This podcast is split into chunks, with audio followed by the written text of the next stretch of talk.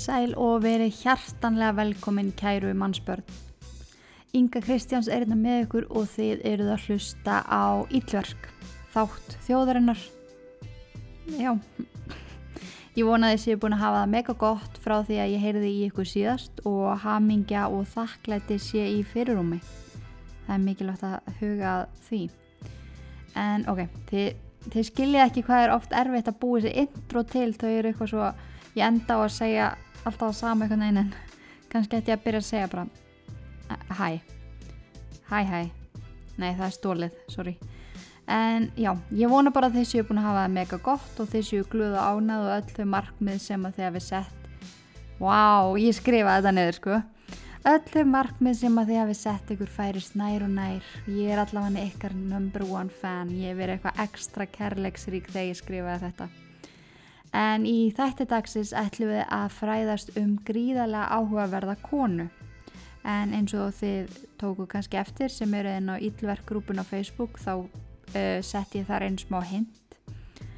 En þið hafið mitt oft bent mér á að taka þetta mál og ég er búin að sjá útrúlega mikið magna á efni til dæmis á Netflix og YouTube.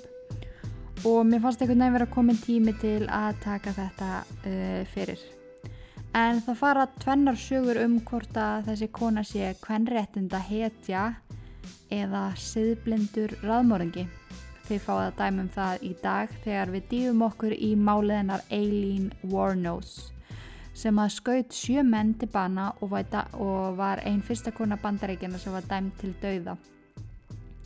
En personleikin hennar var margslungin og hún átti það til að vera brósmild og nettinn í eina myndu og svo næstu myndunni var hún bara foxíll og gargandi.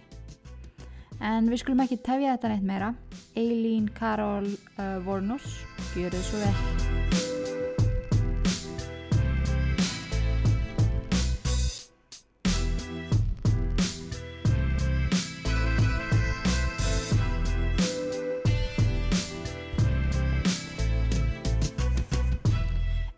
fættist þann 29. februar 1956 í bænum Troy í Michigan.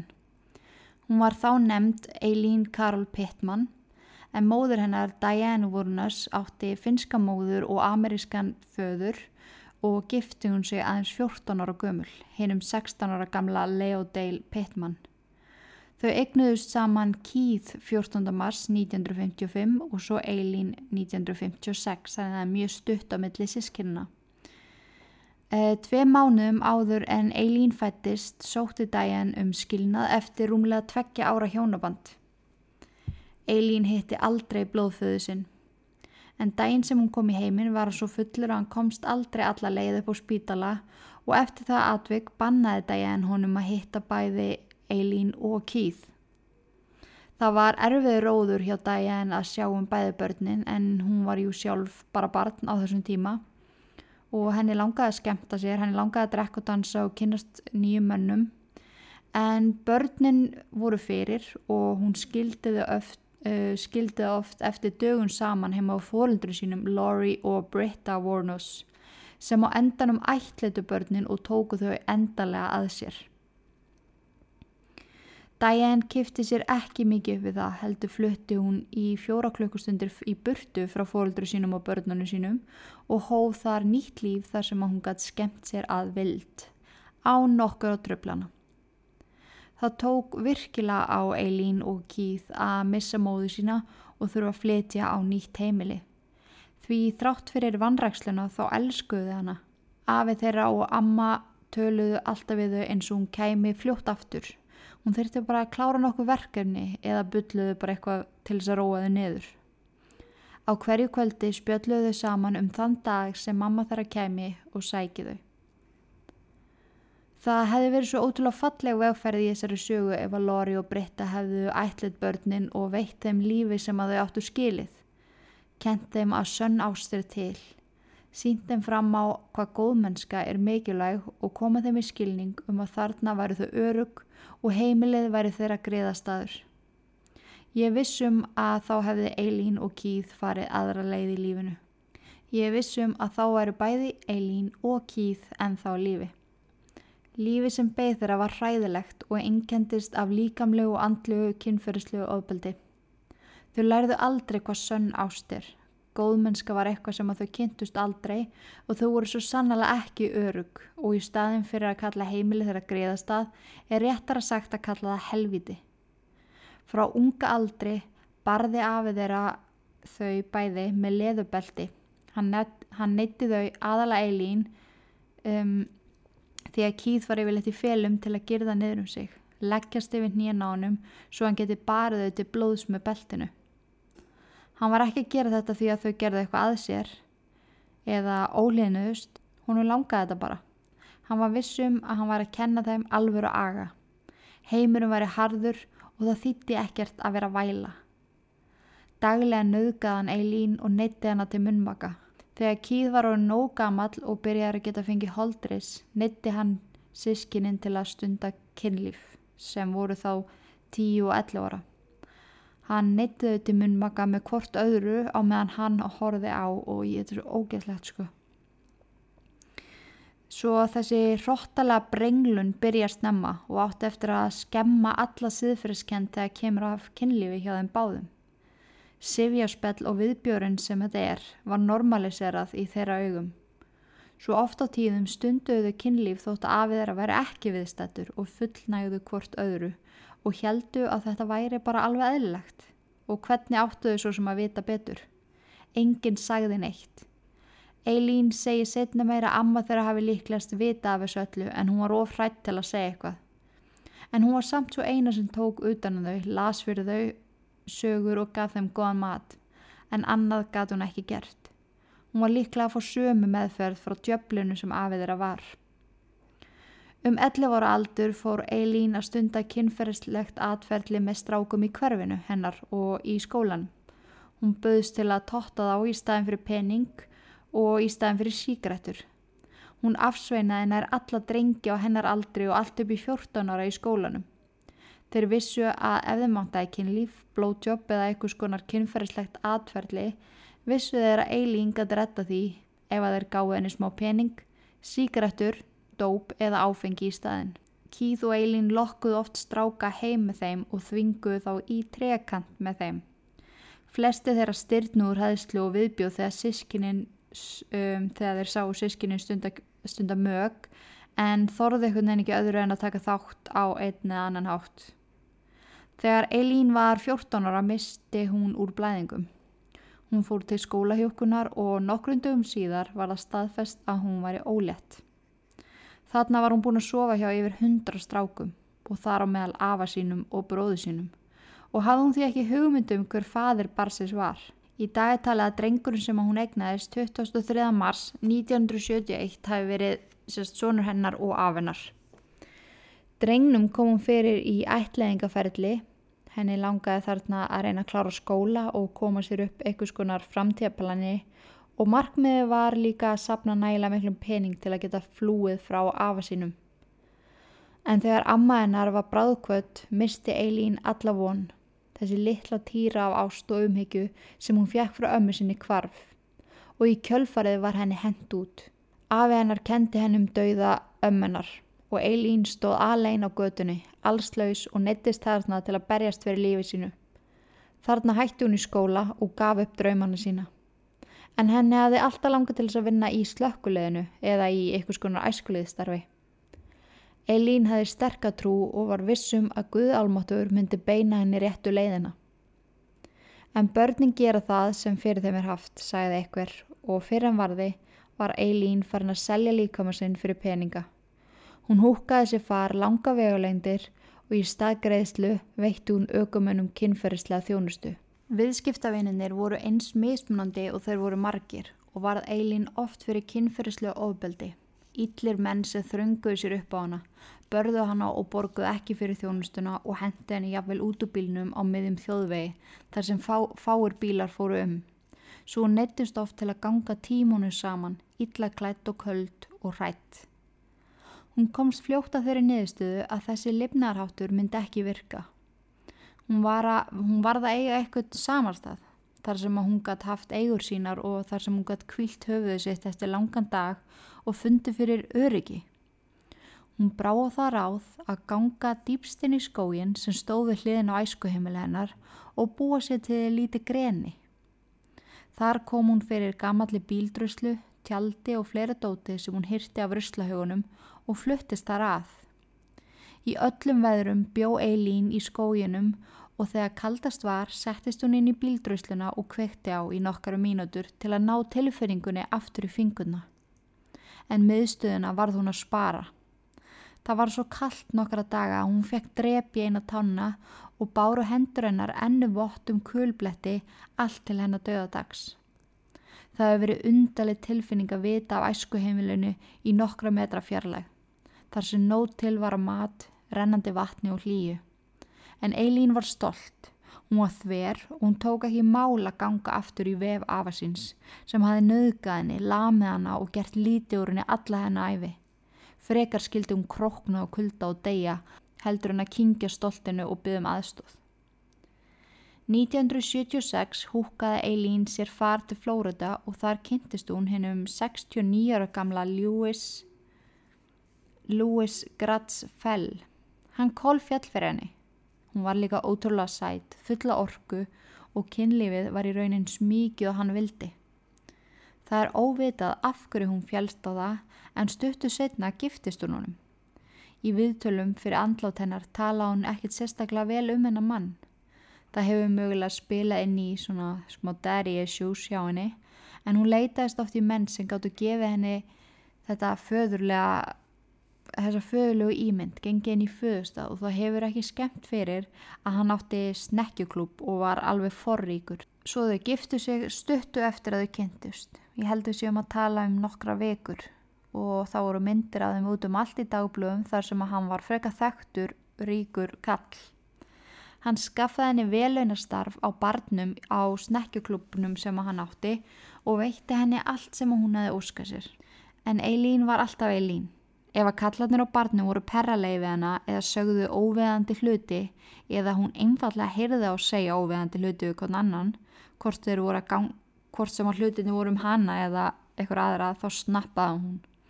Hún stökk upp á barinn og reyfi þá, öskrað og gargaði og kallaði þá helvítis fíbl.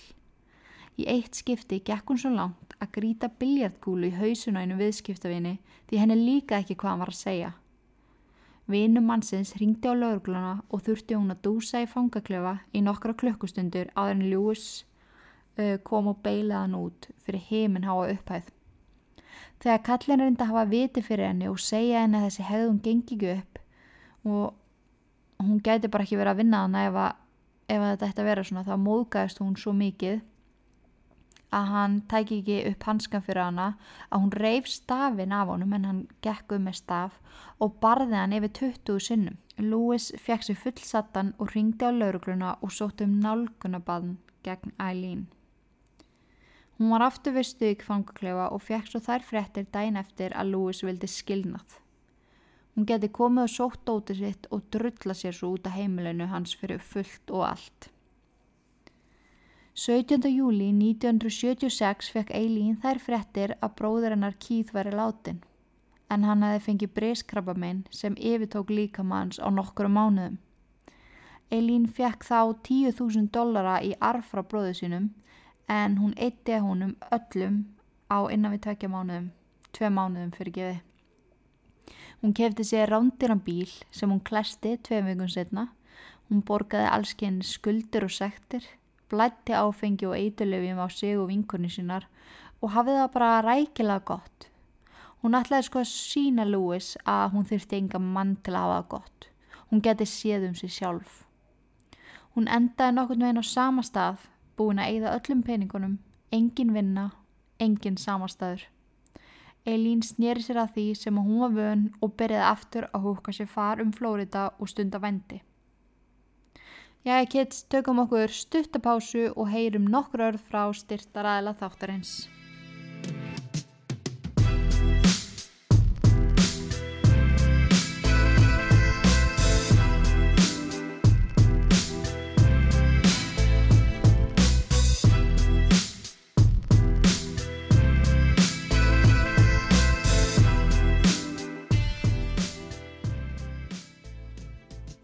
útsala, útsala. Það eru útsölulokk í Lindex. Allar útsöluvörur eru komnar á slikk og aðeins þrjú verði í gangi. 300 krónur, 500 krónur og 1000 krónur. Kíktu við og gerðu einstaklega góð kaup. Lindex We make fashion feel good. Ég maður ekki, ef þið farið ekki á vestlið eftir þessa auðlýsingu þá veit ég ekki hvað var. En allavega þá mæl ég með að kíkja alla lindisveslanir og lindis.is geggjaði dílar, þetta er alveg verið að búið og þið getur gert suttalega góð kaup hvort það er á ykkur eða á börnin ykkar eða mömmu ykkar. Það er svona, allavega kíkja á þetta. Lindex.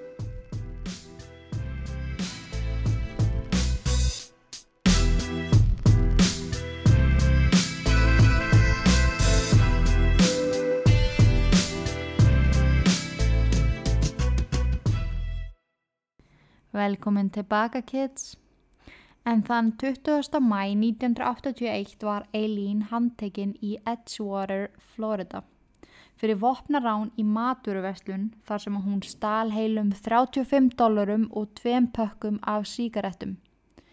Fyrir þennan glæp satt hún inn í hálft ár og af því hún átti ekki efni á beilinu. Nokkru mánuðum eftir að henni var sleft var hún afturhandekinn fyrir fölsuð tjekkhefti í banka í K-Vest. Þar sem henni tókst ekki áallunaverkið og ringt væri lauruglá meðan hún var inn í bankanum þá slapp hún eftir nokkra daga. 4. janúar 1986 var Eileen handtekinn enn einu sinni í Miami fyrir það að stela bíl og gefa svo upp nafn frængu sinnar í skýslutöku.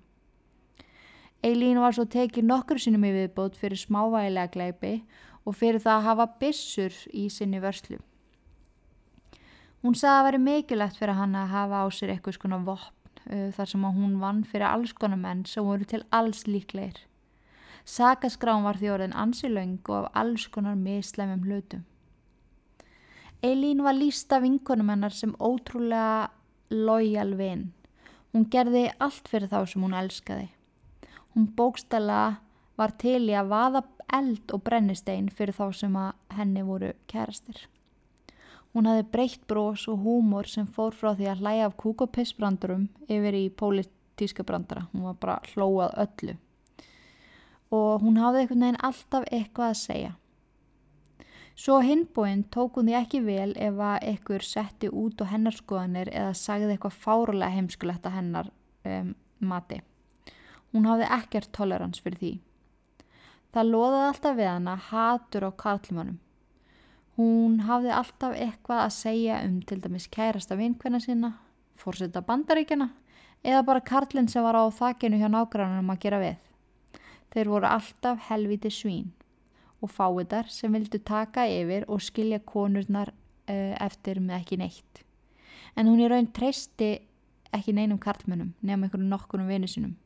Sálfræðingar og geðleiknars um að hafa greint Eileen beintekja þennan hatur uh, við bæði það að fæðurinnar hafi skilaðan eftir og móðurinnar og svo afasinn sem að hún kalla pappasinn fyrir að hafa nöðgæðinni og barið hana alla sína æsku. Eileen átti þá nokkra trausta uh, karlmannsvini eins og til dæmis vinurinn sem bjó með henni í skójunum rétti á æsku heimiluninnar en hann var samkynneið dragtrótning og Eileen elskaði hann að mann út af lífinu en þau áttu líka eitt samilegt sem að fólki finnst ofsalega áhugavert við Eileen og oft var veldi fyrir sér hvort þetta hafi þróast út frá þessum mikla karla hatri eða hvort þetta hafi verið partur á henni sem að hún hefði alltaf bara bælt niður. En Eileen var lesbija og hún var ástfangina konu síðan Tyria Moore sem varð setna meir svo kona sem að kom upp um hana en við komum inn á það setna. Þær kynntust á bar á Daytona Beach og fluttu svo inn saman fljótlega eftir fyrstu kynni. En það var erfitt að vera elskuji Eileen. Það segja það í raunin allir sem hafa verið með henni ástasambandi. Hún elskaði svo heitt. Hún elskaði svo mikið. Hún var svo vilt og skemmtileg og það er svona sá hlutur sem að heitlaði mest. En þegar hún fauku upp var, varð ósamala eða reið þá var voðum vís. Hún gríti hlutum öskraði og gargaði og hótaði öllu yllu og það hefur líklegast verið freka erfitt að vera í sambandi með henni og þurfa líklegast að teipla á tónum til að ergjan ekki. En Eileen fekk þá greiningu að vera með jáðar persónuleika röskun sem lýsi sér svona. Mér spæðu um mjög áhugavert að researcha þetta.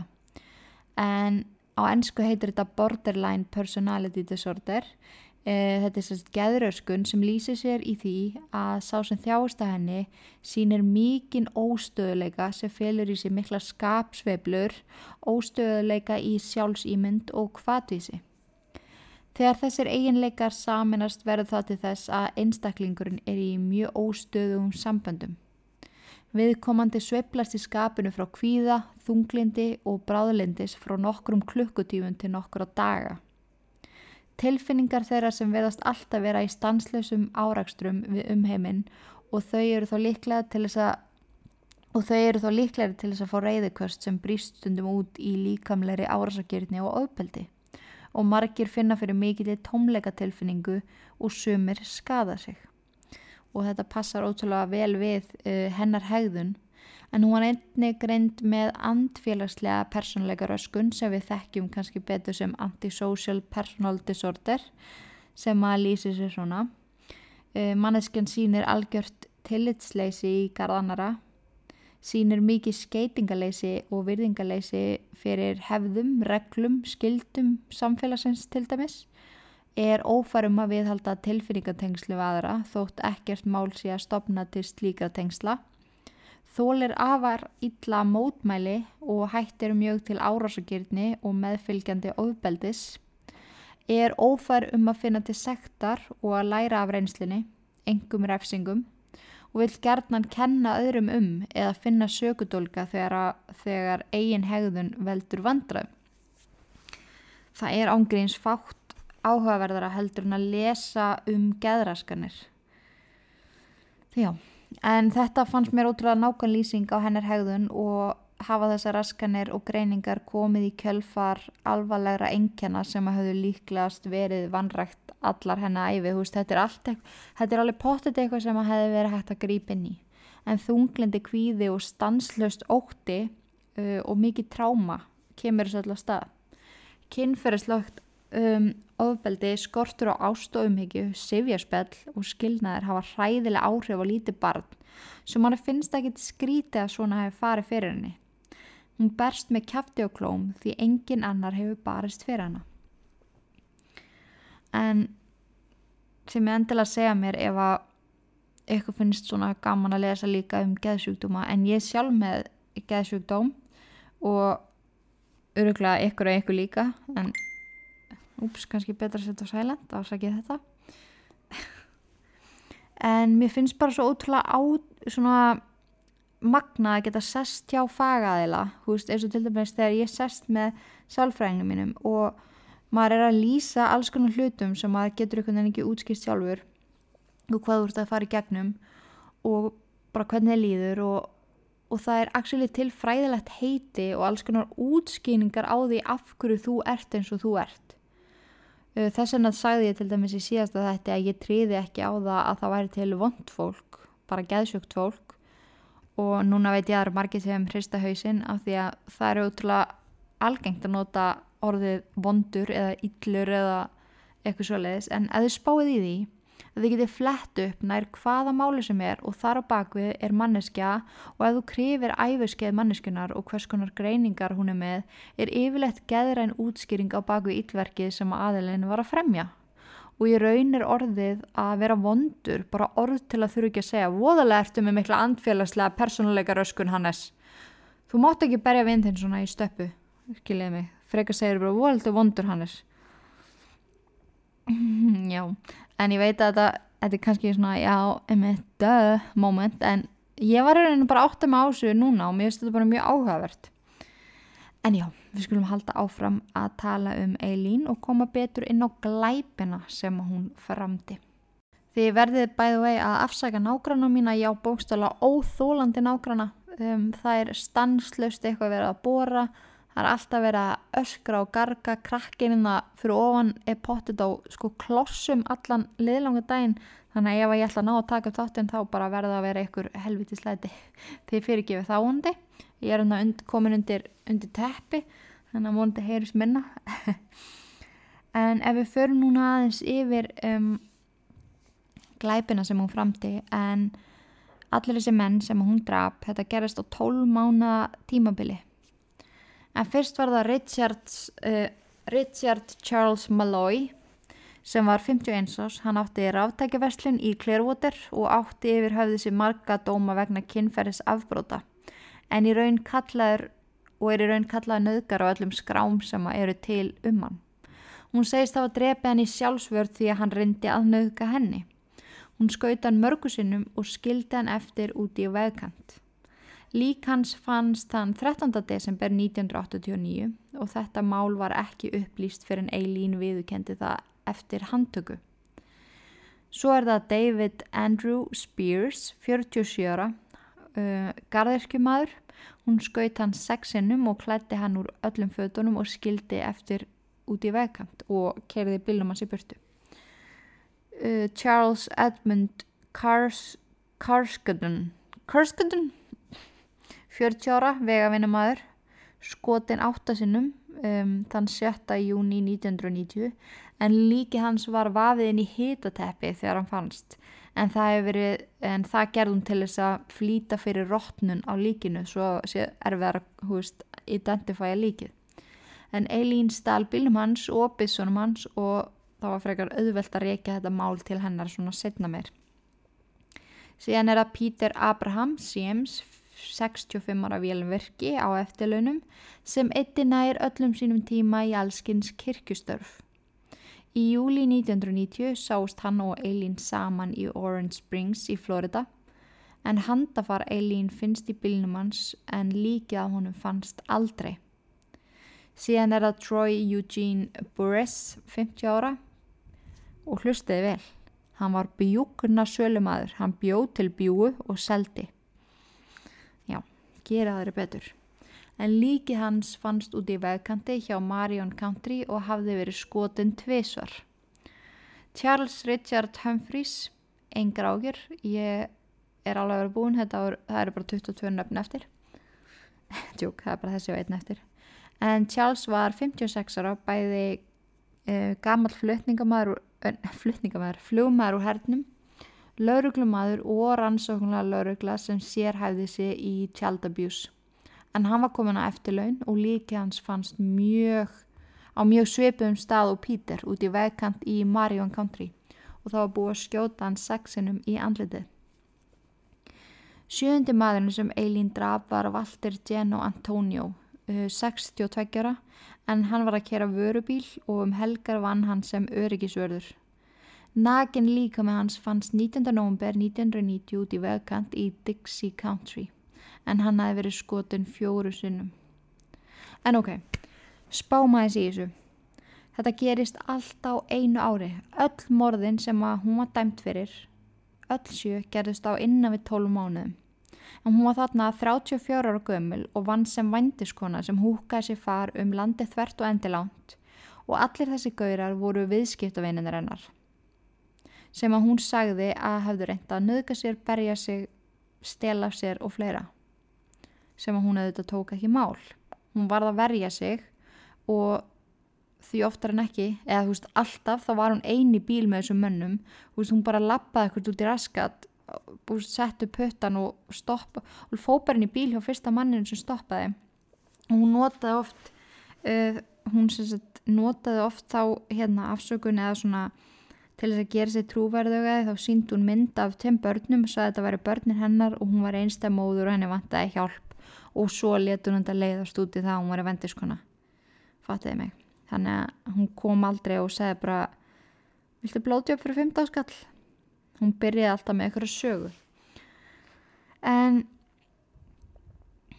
mm, mm, mm, já og veist, svo finnast allir sem menn út í vegkant og hún er í öllum tilveikunum og í öllum tilveikum þá tókum bíliðra og skildi eftir eitthvað stað lengst frá morðstað En 4. júli í 1990 þá klesti Eileen og kærastan hann að bílinans Pítur sem var eitt fórnalampa Eileen. Og tjónu var freka mikið og þær slasaðar en þær gáttu samt ekki verið að ringja lauruglega sjúkarbíl það, því þá geti allt saman komist upp. Og því heldur þær fótgangandi af stað í vonum að geta húka sér far á næsta sjúkrás. En það voru hins vegar vittni af sleðsunu sem sáu konun að hlaupa í burtu frá bílnum og þegar lauruglega kom á staðin og bílnúmurinn var flett upp kom í ljósa þetta að bifreið Peter Abraham Sims sem hafi fundist látin stuttu áður. Vittni lístu konunum ítalega og í kjölfari fór á stað herrferð í blöðunum og í sjóarpið þar sem að líst var eftir konunum tveim og fundalögn voru í bóði fyrir þann sem að geti hjálpa lauruglu við að staðsita þær. Mér finnst þetta samt svo óhagvert ef við stöldrum aðeins við þannig. Um, nú er ég búin að researcha marga raðmörðingja og allir sem að ég hef researchað þeir eru raðmörðingjar af því þeir vilja vera það veist, þeir kreifa það, þeir fara vísvitandi út í daginn með þeim tilgangi að ætla að finna sér fórnalamp Eilín segist það að vera svo hjá eða stundakinnferðslegt atferðli eða hvað ég sagði hafa tólf viðskiptavinni á dag. Akkur drefur hún þá bara þess að sjö? Mér finnst þetta einmitt, mér finnst, já við komum kannski betur inn á þetta eftir en mér finnst hún einhvern veginn ekki vera geta verið flokku sem er aðmörðingi mér finnst það bara ekki. Um, já en 9. janúar 1991 þá var Eileen handtekinn hún var að spila púl á The Last Resort mótuhjólabarnum í Volusia Country og daginn eftir var handtekið kæristunennar sem var bóðin vægari dómur og í raun var bóðin að sleppa við nokkuð dóm gegn því hún kæmi upp um sagt Eileen sem hún fjælst á. Henni var skaffa mótel í mótelherbyggi í Florida þar sem hún átti að ringja í Eileen í fangelsið og lýsa yfir áökju sínum úr hræðslu um að fara í fangelsið fyrir eitthvað sem hún hafði ekki gert. Eileen samfaraðan um að allt er í góðu og eftir þrjá daga og ótal mörg símtöl viðkendi Eileen í síman að hafa skoti mennina í sjálfsvörð því þeir hefðu reynda nöðgani. Sannleikurinn kemi ljós og hún þurfti ekki að hann einar ágjara því að eitthvað kemi fyrir hana. Ég myndi spila núna fyrir eitthvað símtalið en það kemur svo rosalega óskýrt út þannig að þið getur freka bara að fara á YouTube og horta á uh, heimildamindur um þetta og getið hlusta á þetta en það hefði ekki komin óskýrt út hérna. En réttarhöldin, sko, Yfir Eilín fóru af stað þann 14. janúar 1992 og sálfræðingar og gæðlegnar sem höfðu metið hana frá því að hún var handekinn sögðu að hún væri ekki á neittnátt hæf til að standa þessi réttu höld. Hún væri svo andlega veik og sæi engan mun á réttu röngu sem hefði dögað í mörgum öðrum réttu höldum. Það get ég sagt ykkur, allavega með, með allt sem ég er í þá er þetta nóg til þess að fá svona apíl og eh, húst, fleiri sjansa og lengri tíma en eftir fjögur á daga réttahöld og eftir að allir hennar glæp, glæpir voru þuldur upp, stóri sem smáir, var hún dæmt til dauða. Hún fekk samalagt fimm döðadóma og eins og hún sagði sjálf Hvað ætla eiginlega að drepa mig oft? Góða búndur. En það var ekki tekið neitt tillit til þess að menninir hafi ætlað að berja hana, nöðgani eða jáfnvel drepa hana. Því að það var jú engin sönnun fyrir því. Hún segi við dómaran og aðra sem sitja í réttasal eftir að dómira var kveðin upp. Þið leifi mönnum að nauðga konum og nú ætlið að drepa fórnalamb nauðgana. Skammist ykkar. Ég vona að konunum ykkar, maðurum ykkar og dæturum ykkar verði nauðga í raskatið. Sjáumst í helviti. Þetta segir hún eftir að hafa verið dæmdu döða. En kvikmyndam gerða maðurinn Nick Broomfield gerði heimildamind um Eileen þar sem að hann heimsótti hana margótt í fangilsi og þau urðu ansi góði félagar. Hann leiði hann að tjá sig um allt sem henni langaði að gera, nei allt sem henni langaði að tjá sig um gegn því að mig að taka þau upp og búa til myndum hana. Ég fekk mjög mikið af mínum upplýsingum úr þessari mynd en þið getið fundið hana bara á YouTube. Þetta er bara það fyrsta sem kemur upp þegar þið googlið Eileen Wuornos en þar kemur fram ansi áhugaverð staðrind. En hún tekur tilbaka að menninir hafi nöðgæðinni og þetta hefur verið morð af ástaflausu og hún byður á eitthvað og hún byður á hverjum degi um að fjölskyldur fórnalampana muni einhver tíma geta fyrirgefinni. Og Nick er þannig mjög sjokkaraður því að hann hafi hlusta á hann að segja lang, langa og mjög sannfærandi sögu í réttasælu um hvernig menninir fóru með hana og, þú veist að þeirra held síru upp í leið á henni og upp í nefið á henni og nöðgað henni og lamið henni og hún hafi drepið á þess bara svo að þeir dræpu hann ekki. Og hann fyrðaði sig á þessari breytingu í frásögninni en leiði henni samt að halda áfram án þess að trublana en þarna var hún búin að vera á death row í um tíu ár. Og það var komin dagsending á andlat hennar og hún ótaðist það að ef hún færi að segja eitthvað ránt þá er þið raska dagsendingunni að því að hún segir einmitt líka að hérna veist, það voru allir búin að svíkina veist, konan sem hún elskaði afennar, ammennar bróðurinn var dáinn veist, hún átti einhvern veginn engan að nema eina vinkonu og hún vildi bara, hún vildi bara fá að deyja. Hún, hún var svo hrætt um að ef hún fara að segja eitthvað veist, breyta sögun eða eitthvað þá er þessu breytt og þessu eru frestað. Þannig að þegar kamerunnar eru hægt að rúla og að hún held þá kvísla hún að nekk ástæðinu fyrir breytingunni á sögunni. Og við skulum heyra þessi orð við skulum heyra bara hvað hún segir með hennar orðum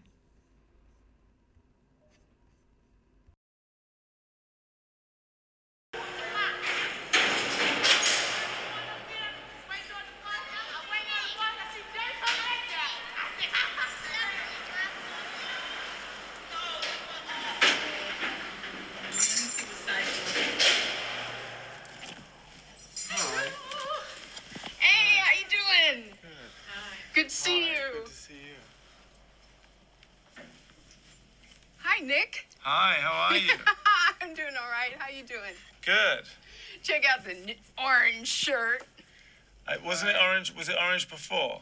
No, they changed it. It was they they got this new thing that to wear the orange shirt out for rec or wherever whenever you get out of your cell.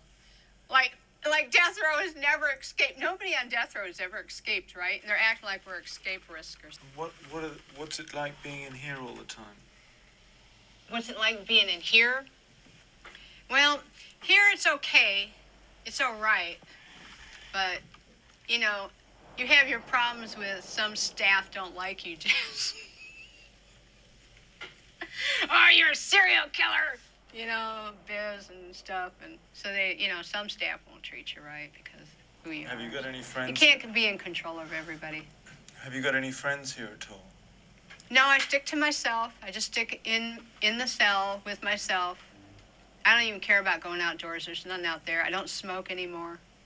So so what's your day like? How does it start? I spend 24-7 in the cell, uh, watching TV, reading the Bible, writing letters to Dawn, um, sitting around doing a lot of thinking, preparing, think, uh, memory, going back in time, memory of all everything I've been through in my life, and then just preparing for my death. Get all the tears out of me and stuff so I won't cry and jazz, you know. Because it is going to be a little bit tough when I go. Huh? Getting all the tears out of you. yeah. Because I just don't want to be in the execution chamber crying my eyes out, and I'm not going to. I'm going to tough it out as tough as I can. Just lay on the table, give everybody a little smile, and close my eyes and go. With Richard Mallory, he was the first that you killed. Mm-hmm. Did he abuse you or not? Because in the court you said that, you know. Oh, I see. I'm not going to go into the. Wait a minute. Oh. No, I won't go in. I won't go into the murder. I won't go into murders if it was self-defense or not. I'm not going into any of the murders, whether or not they died in self-defense or what. I'm not going to say. I'm not saying nothing. My concern. The only reason I'm doing interviews for anybody or anything. My concern is there's you got law enforcement out there allowing people to die. You got those 50 men in Canada, I mean, those 50 women in Canada that died. I'm sure the cops knew who the guy was. They're letting them kill. Mm. They want to turn them into high profile cases for books and movies. Well, what was it? So, what was it? I wondered nice how Eileen herself huh? viewed her childhood in nice Troy. Living there? Yeah, Troy's all right. Oh, and I want to uh, straighten out something, man. See, hey, Nick, I got to get this straightened out. See, the cops lied about my family. Jackie Drew and them, they all lied about my. Well, how did they lie about your family? Because see, okay, now I got see, I got if this documentation, I got to square some stuff up. Okay, here. so tell me about I, your family. Okay, The truth about my family is this my dad was so straight and so clean, he wouldn't even wear, take his shirt off to mow the lawn. He did not believe in cussing. He did not believe in in uh, long hair and mini skirts and stuff. He was really straight, really decent. And so was my mom. My mom hated swearing in the house. If you swore, you said one swear word, you had a whole bar of lava soap in your mouth. So I came from a real clean and decent family. But why then did you get thrown out after the birth? See, after my mom died, after my mom died, my dad got pissed. He's like, okay, this is the last straw. You know, I think you are the cause of mom's death because because she had physical problems that because of all the stress and the pain and the suffering and everything. And what I'm going through as a wild kid is pissing him off. I mean, he thinks that that killed her as well, induced her death, and so he's pissed off. He doesn't want me home anymore. But how, how did it feel like having to live in cars and in other people's It was house? living hell. That's why I went to Florida. Living hell. yeah. Yeah. I mean, you know, sleeping in the snow, I mean, sleeping in snowy weather in a vehicle on cinder blocks at Richie's house, sleeping in, with no blanket. I think I had one blanket and one pillow. It's ice cold outside. That's when I said, well, I got to go. I got to go down to Florida or something now. Because I was sleeping in the snow. Out in the woods, sleeping on the ground in the snow. You must have been frozen. I was frozen, man. Yeah. I still got marks from my toes are blue to this day. Bottom of my feet are blue. This is probably why I even got my hands like this today. I don't know. My hands are, as you can see, they're like they're frostbit looking. Mm-hmm. And how were the other kids, though? How, the other kids, they're all living in their houses. well, I was out on the streets. But that's all right, man, because see, I, I lived through it. I survived. I went down to Florida. Then I could, you know, started trucking all over the United States of America and stuff. Eileen, let me ask you one question. Do you think if you hadn't had to leave your home and sleep in the cars and stuff, it would have worked out differently?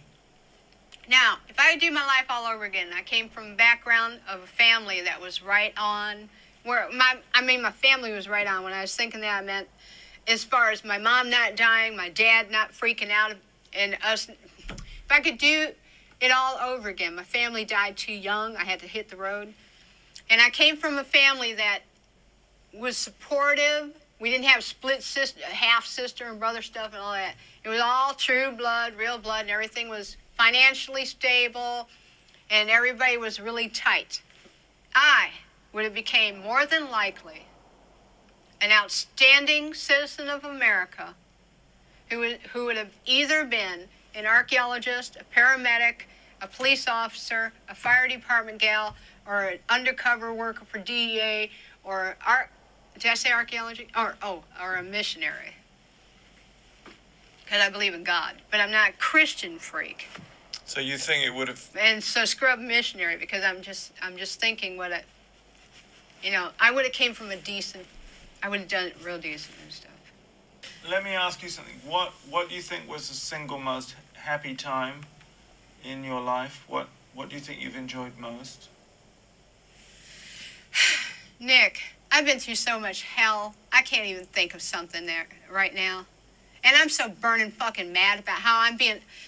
I gotta wait for my execution. I wanna get, get in the fucking chamber tomorrow and leave. And then they play. Since, since I waved off, I've had nothing but psychological and physical fucking problems. Playing with it because I'm on hold with my execution. I'm so fucking mad I can't see straight. And they're just daring me to kill again. They got me pissed. United States Supreme Court, you fucking. I'm telling you, man, you motherfuckers keep fucking with my goddamn execution. There's gonna be bloodshed. I'm sick of this. Get that fucking warrant signed.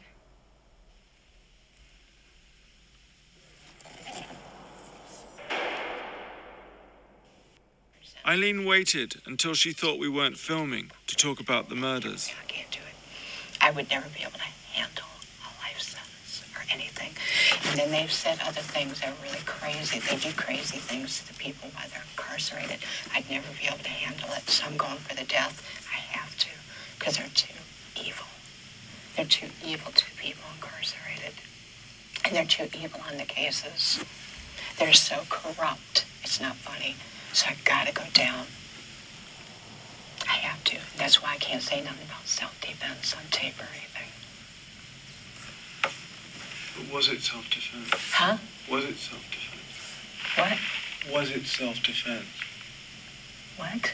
Was it self-defense? Yes, but I can't tell anybody. Never. I have to go down to the execution. They're too corrupt. They they they stick together. Hand over fist. Hand in glove, man. So it Eh, was self. Let's see. Hand hand over fist, friend in glove. So They was stick- was Mallory self-defense? Yeah. And so was some others. But there's nothing I can do about all they do is give me an overturned sentence. They would never do me righteous. You see what I'm saying? They'll never do me right. They'll only fuck me over some more, so I can only go to the death. Eileen fór í geðrænt mat þar sem að hún skoraði 32 stig af 40 mögulegum. Og já, það er slatti. En geðlæknirinn var að aðtöga hvort að hún væri psykopath sem myndi flækja stöðun hennar og þar með senka dagsetningun á andleta hennar. Hún skrifaði aftan á prófið. Ég ætla að vanda mig mjög mikið að segja þetta því að ég vildi ekki þýði þetta. I killed those men. Robbed them as cold as ice. And I do it again. There's no chance in keeping me alive or anything, because I'd kill again.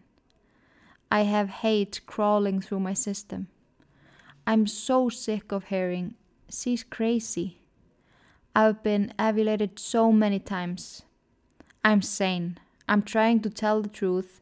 I'm one who seriously hate human life and I would kill again. Lögfræðingarnar hennar reyndu eins og þeir gátu að fá það í gegn að hún væri bara alls ekki hæfur einstaklingu til þess að ganga í gegnum þetta allt og hún þyrti aðstóð. Veist, hún hefur búin að flakka þarna með söguna fram og tilbaka en þrátt fyrir gögg frá fægulun þá var nóga fyrir hana að segja að vera ekki það henni og endanum var hlusta á hana sem var alveg magnað. Og ef, ef að þið veist, hafið horta á vídeo af henni og sjáuð hvernig þessi manneski er því að í síðasta viðtalinu við Nick sem ég ætla að mynda að leifa ykkur að heyra þá, þá talar hann um alls konar skrítna hluti sem bendir til þess að hún sé fann að sjá veist, ímyndaða hluti eins og til dæmis að sé vera eitra fyrir henni og alls konar svoleiðis en þú veist, það líka skerpir en þá meira hvað hún var veik þegar það fór að koma upp atvik þar sem að, einmitt, hún var að saka konuna í eldusinu að vera eitra fyrir sér og hún væri að skirpa og pissa í matinn hennar. Og hún hefði heyrt fanga verið talað um að gera lífið hennar og death row svo slæmt að hún ætti eftir að drepa sig aður eða næði að gera það. Og þeim nauðga henni áður og hún er tekin að lífi. Lauruglan væri búin að fylgjast með henni í mörg ár. Það, var, veist, það hefur verið sett þetta allt á hana. Veist, morðin á þessum köllum það var bara lauruglan að reyna að freyma hana og veist, það varu myndaðlar út um allt það varu myndavelar inn í henni það varu örflugur að fylgjast með henni það eru kettir stanslust breymandi fyrir utan gluggan hennar dínan hennar væri mikluð og þetta eru allt mjög algeng enkenni af þeim geðsjúkdómun sem hún hafi verið grind með og enginn hlustaði. Vikuna áður en Eileen átti að vera tekin að lífi fór hún í mörg viðtöl við Nick. Eftir áralanga vináttu endar viðtalið með miklum leðendum og það síðasta sem hann sér af henni lifandi er hún að senda honum fingurinn. Við skulum heyra síðasta viðtalið á milli Nick og Eileen. You know, I was just wondering how you're going to be, you know, at 9.30 tomorrow morning. Are you prepared? I'm prepared. I'm all right. I'm all right with it. And how, I'm all right with it, but like I said, remember, and tell, let them know that I know that the cops knew who I was after Richard Mallory died. I left prints everywhere, and they covered it up. And let me kill the rest of those guys to turn me into a serial killer. I know they did, because I was no professional serial killer or anything, or murderer, or whatever you want to call it, you know. Wasn't professional at So, what I was doing. Eileen, how, I did some sloppy work, you know, and I left how have you prepared yourself for tomorrow morning? I- I'm all right with it. Yeah, I'm ready to go. Hey, I was tortured at BCI. They had they had the intercom on in the room, and they kept lying that it wasn't on, and they were using sonic pressure on my head since 1997. Sonic And every time I was trying to write something, I, they, and I, I think they had some kind of eye in the cell, I'm not sure, but every time I started writing something, it went up higher. So I'm thinking that probably had the TV rigged. The TV or the mirror, something was rigged. They got a huge satellite on the compound. After they put the huge satellite on the compound, it could have been either rigged to the TV set or the mirror or something. Because the electrician, when he put the mirror on the wall, he said, "Doesn't that look like a computer?"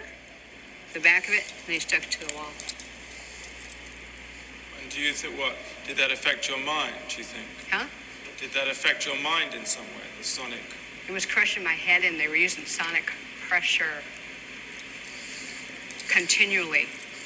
Then, when I had three meetings with Miss Villacorta on it, every meeting I had, she increased the pressure of the volume of the com, increased the harassment on the floor, increased the uh, trays being inedible, just increased every bit of my complaints and trashed all grievances. They're trying to make it look like I was crazy at all times, rig up the room with torture. If I said anything about their whole, I think their whole plan was to try to make it look like I was totally crazy, and so nobody would believe anything I had to say about anything, and then drive me there if they could. I suffered so bad. I was really struggling to survive. Had a lot of trays that were attempted murder and everything. I had to wash all my food off. Then, then one day I didn't wash my food off and I was sick for three weeks, almost died. But you're okay now. I'm okay. I'm okay. God is going to be there. Jesus Christ is going to be there. All the angels and everything. And, you know, whatever, whatever's on the beyond, I think it's going to be more like Star Trek beaming me up into a space vehicle, man. Then I move on, recolonize to another planet or whatever. But it's whatever's the beyond, I know it's going to be good because I didn't do anything as wrong as they said. I did the right thing. And I saved a lot of people's butts from getting hurt and raped and killed too. So are you saying that you killed in self-defense or in, in cold blood? What do you? What do you?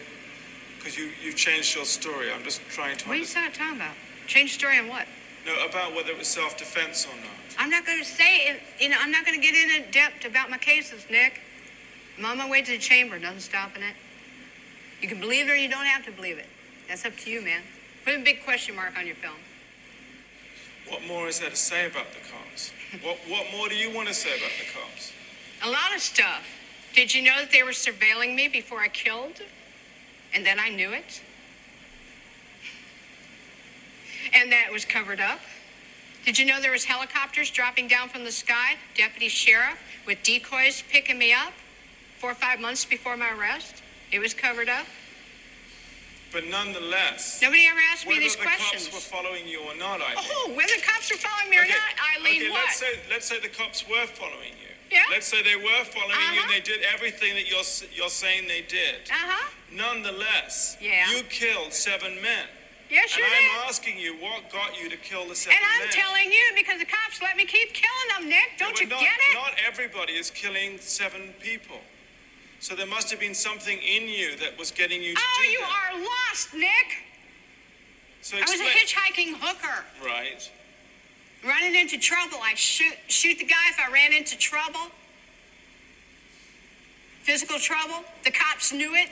When the physical trouble came along, let them let her clean the streets, and then we'll pull her in. But how That's come why. there was so much physical trouble and just and the system, a raped woman got executed.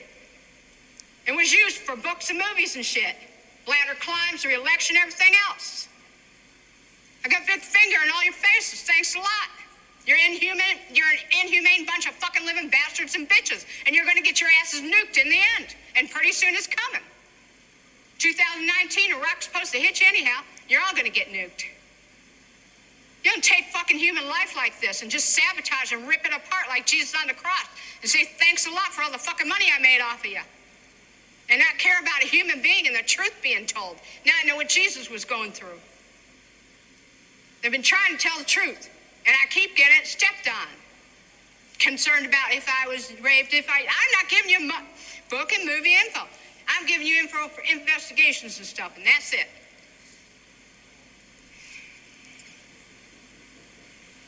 We're going to have to cut this interview, Nick. I'm not going to go into any more detail. I'm leaving. I'm glad. Thanks a lot, society, for railroading my ass. Okay, let's go. Eileen var tekin að lífi þann 9. oktober 2002 klukkan 09.47. Síðasta máltíðin hennar var KFC og síðustu orðin hennar voru Yes, I would just like to say I'm sailing with a rock and I'll be back. Líkið hennar var brent og dreift hluta að því fyrir neðan tré á heimaslöðum hennar í Michigan þar sem hún leik sér oft með bestu vinkunni sinni Dawn Bodkins. En restin af öskunni er ennþá upp á arninum hjá henni. Í jarðaförunni vildi Eileen svo láta spila lægi Carnival með Natalie Merchant. En þetta var lífið hennar Eileen Warrenhouse, þetta var mjög áhugavert að researcha og ég vona ykkur hafi líka þátturinn. Ég ætla að taka mér smá frí frá Íllverk. Ég, það kemur næsti þáttur uh, 12. februar. Ég ætla að taka mér tveggja veikna pásu, koma svo með eitthvað frábært efni fyrir ykkur eftir tvær vikur. Ég vona þeir eftir að hafa það gott þanga til. Við erum góðu hvort annað og forðust öll Íllverk nema þetta podcast. Verið sæl.